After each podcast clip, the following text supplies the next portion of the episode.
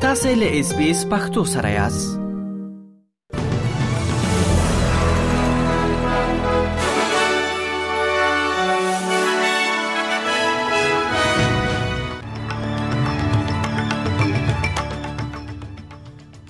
د استرالیا د لمړي وزیر دفتر منلې چې د کابینې راتلونکو غونډه به په مجازي ډول سره تر سره شي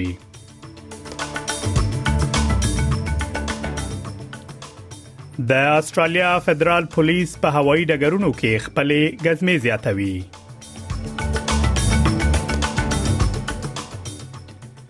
یو نوې چیرنه ښیي چې شپې ته سلنه مهاجرو کارګرو ته په استرالیا کې له ټاکل شوی اندازې کم معاش ورکول کیږي او افغانستان ته د 30 میلیون ډالر نقد مرستې بل کڅوړه هم ورسیده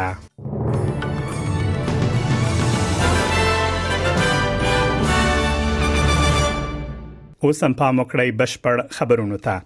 د استرالیا د لمړي وزیر دفتر منلې چې د کابینه راتلونکو غونډه به په مجازي ډول سره تر سره شي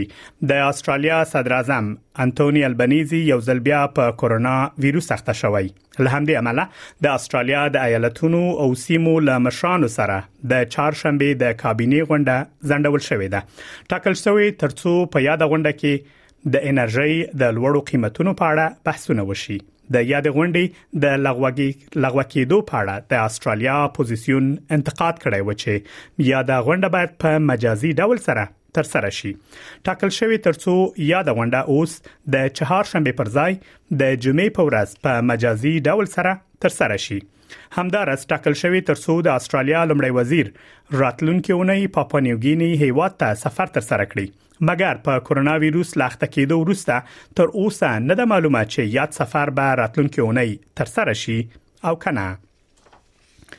د استرالیا فدرال پولیس غواړي ترڅو د دغه هیواد په هوایي ډګرونو کې خپلې غزمې زیات کړي ځکه د کریسمس د رخصتۍ پر مهال یو زیات شمیر استرالیان بهر ته سفر تر سره کوي د استرالیا د لوی خارونو د هوایي ډګرونو ترڅنګ د ګولډ کوست او کینز په هوایي ډګرونو کې هم غزمې زیاتېږي د پولیسو مرستيال کمشنر سکاټ لی وایي پولیس به د هر هغه چا پر وړاندې سخت چلند وکړي چې ناسم عمل کوي هغه وای زموږ له نظر موږ د دې ډار تر لاسه کولو ته لیواله یو چې خلک خوندي پاتې شي هغه زیاتوي چې پولیس به د هر هغه چا پر وړاندې لزغم څخه کار ونخلي څوک چې د هوایي ډګر په چاپیریال کې له کارمندانو او نورو خلکو سره بد چلند کوي Certainly from our perspective we keep we are we are keen to ensure that people stay safe that uh, we will have a zero tolerance approach to anyone who is intoxicated, who behaves badly, aggressively um, towards staff or other people in the airport environment, whether it's in airports or on aircraft. د استرالیا حکومت غواړي ترڅو د لمړنیو استرالیانو یا بومي استرالیانو د ماشومانو د راتلونکو لپاره 314 میلیون ډالر پنګونه وکړي ټاکل شوې ترڅو د استرالیا د فدرالي حکومت د بومیانو د چارو وزیره لیندا برني نن د اعلان په هوبارت ښار کې وکړي د دغه پنګونې موخه دا ده ترڅو شاوخوا 100 زره بومي ماشومان ماشومانو ته د زده کړو او تعلیمي فعالیتونو زمينه برابر شي لنډا برني وایي دغه پنګونه د بومي استرالیانو د ماشومانو د تعلیم په برخه کې د قوي بنسټ د یقیني کولو لپاره حیاتي ده د یوې نوې چیرنې پایلې ښیي چې په استرالیا کې مهاجرې او کډوالې میرمنې د لوړو مهارتونو له درلودلو سره سره اقتصادي امکاناتو ته لاسرسي نه پیدا کوي د کانبرا په هنتون یو ریپورت ښيي هغه مهاجري او کډوال میرمنې چې لکم یا منځني عاید لرونکو هیوادونو څخه استرالیا ته راځي په اوسط ډول سره تر استرالیي میرمنو ډېر زده کړې لري یا د میرمنې سره لدی چې لوړې زده کړې لري خو بیا هم نشي کولای په دغه هیواد کې کار پیدا کړي د میشتېدنې خدمتونو ادارې یا اس اس آی د چیړنې او پالیسۍ د برخې مشر تاج مکمهان وای د خندونو په لری کولو او اقتصادي ظرفیت خلاصولو سره به په کاري محیط کې جنسيتي مساوات وده پیدا کړي او پراخي اقتصادي ګټه به ولري هغه وایي 15 سلنه کډوال خزي غواړي ډیر کار وکړي دا اکثرا هغه کیسه نه ده چې موږ د مهاجرو او مهاجرو میرمنو په اړه اورو in a labor market environment that we currently are in, where there are skill shortages and labor shortages in just virtually every industry across the board. Um, strikingly, for example, 95% of refugee women wanted to work more hours. That's not the narrative that we often hear around refugees or around refugee women.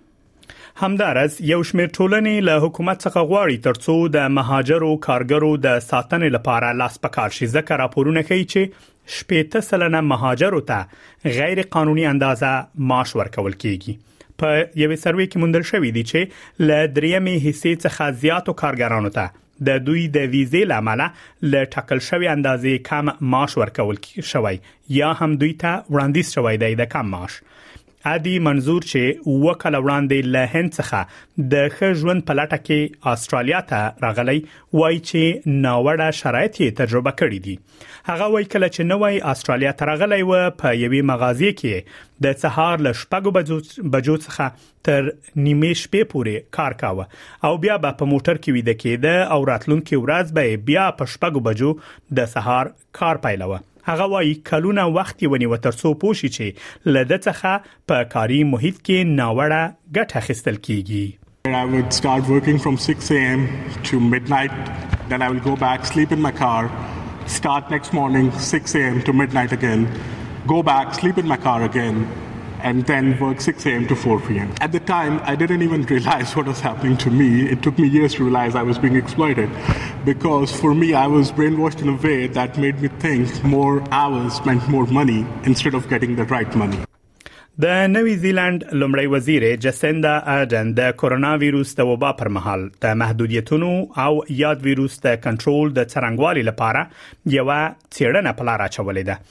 د یادې څېړنې موخه دا ده ترڅو معلومه کړي چې آیا د کورونا د وبا پر مهال د سرحدونو بندول او قرنطین صحیح کار و او کنه اغلی اردن وایي چې د شاهي کمیسیون ګمارل د دغو پښتنو د معلومولو لپاره مناسب انتخاب دی هغه زیاتوي د چیړونو لپاره د شاهي کمیسیون ګمارل د عامه چیړنو تر ټولو لوړه بڼه ده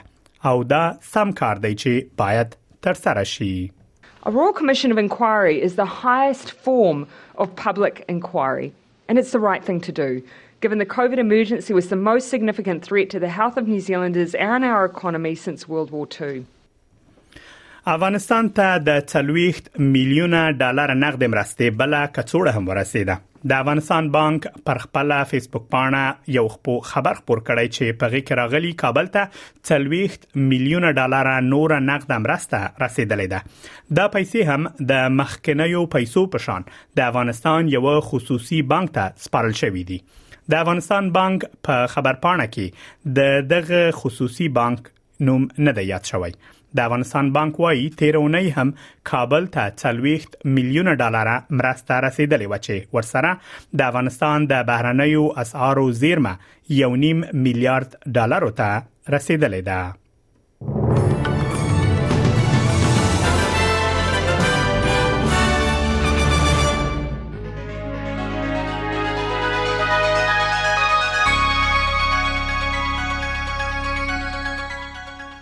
اوس هم پام وکړئ د هوا حالاتو ته په سیدنی کې نیمه ورځ د باران امکان شته د تودوخې لوړه درجه 15 په ملبورن کې هم نیمه ورځ او د باران امکان شته د تودوخې لوړه درجه 21 په برزبن کې ډیری لمر د تودوخې لوړه درجه 15 په پرت ښار کې نیمه ورځ د تودوخې لوړه درجه 9 په اډلیډ کې نیمه ورځ د تودوخې درجه 18 په داروین کې باران او طوفان د تودوخې لوړه درجه 15 په کانبرا کې نیمه ورځ د تودوخې لوړه درجه 24 په نیوکاسل ښار کې نیمه ورځ د تودوخې لوړه درجه 15 او له استرالیا څخه بهر په کابل کې ډیری لمر د تودوخې لوړه درجه 12 او ټیټه منفي 2 په پیښور کې هم نیمه ورځ د تودوخې لوړه درجه 22 او ټیټه 8 دا هم د استرالیي ډالر پر وړاندې د نورو اسعارو بای د استرالیا یو ډالر و شپېته امریکایي سنټه یو استرالی ډالر درې شپېته یورو سنټه او څلور پنځوس بریټانوي پنسه د استرالیا ډالر څلور پنځوس هندیو کلدارو او یو سلو پنځوسو پاکستانیو کلدارو سره برابرېږي او د استرالیا یو ډالر نه پنځوس افغانۍ کېږي خبرونه همدومره و لملتیا مو مننه کوم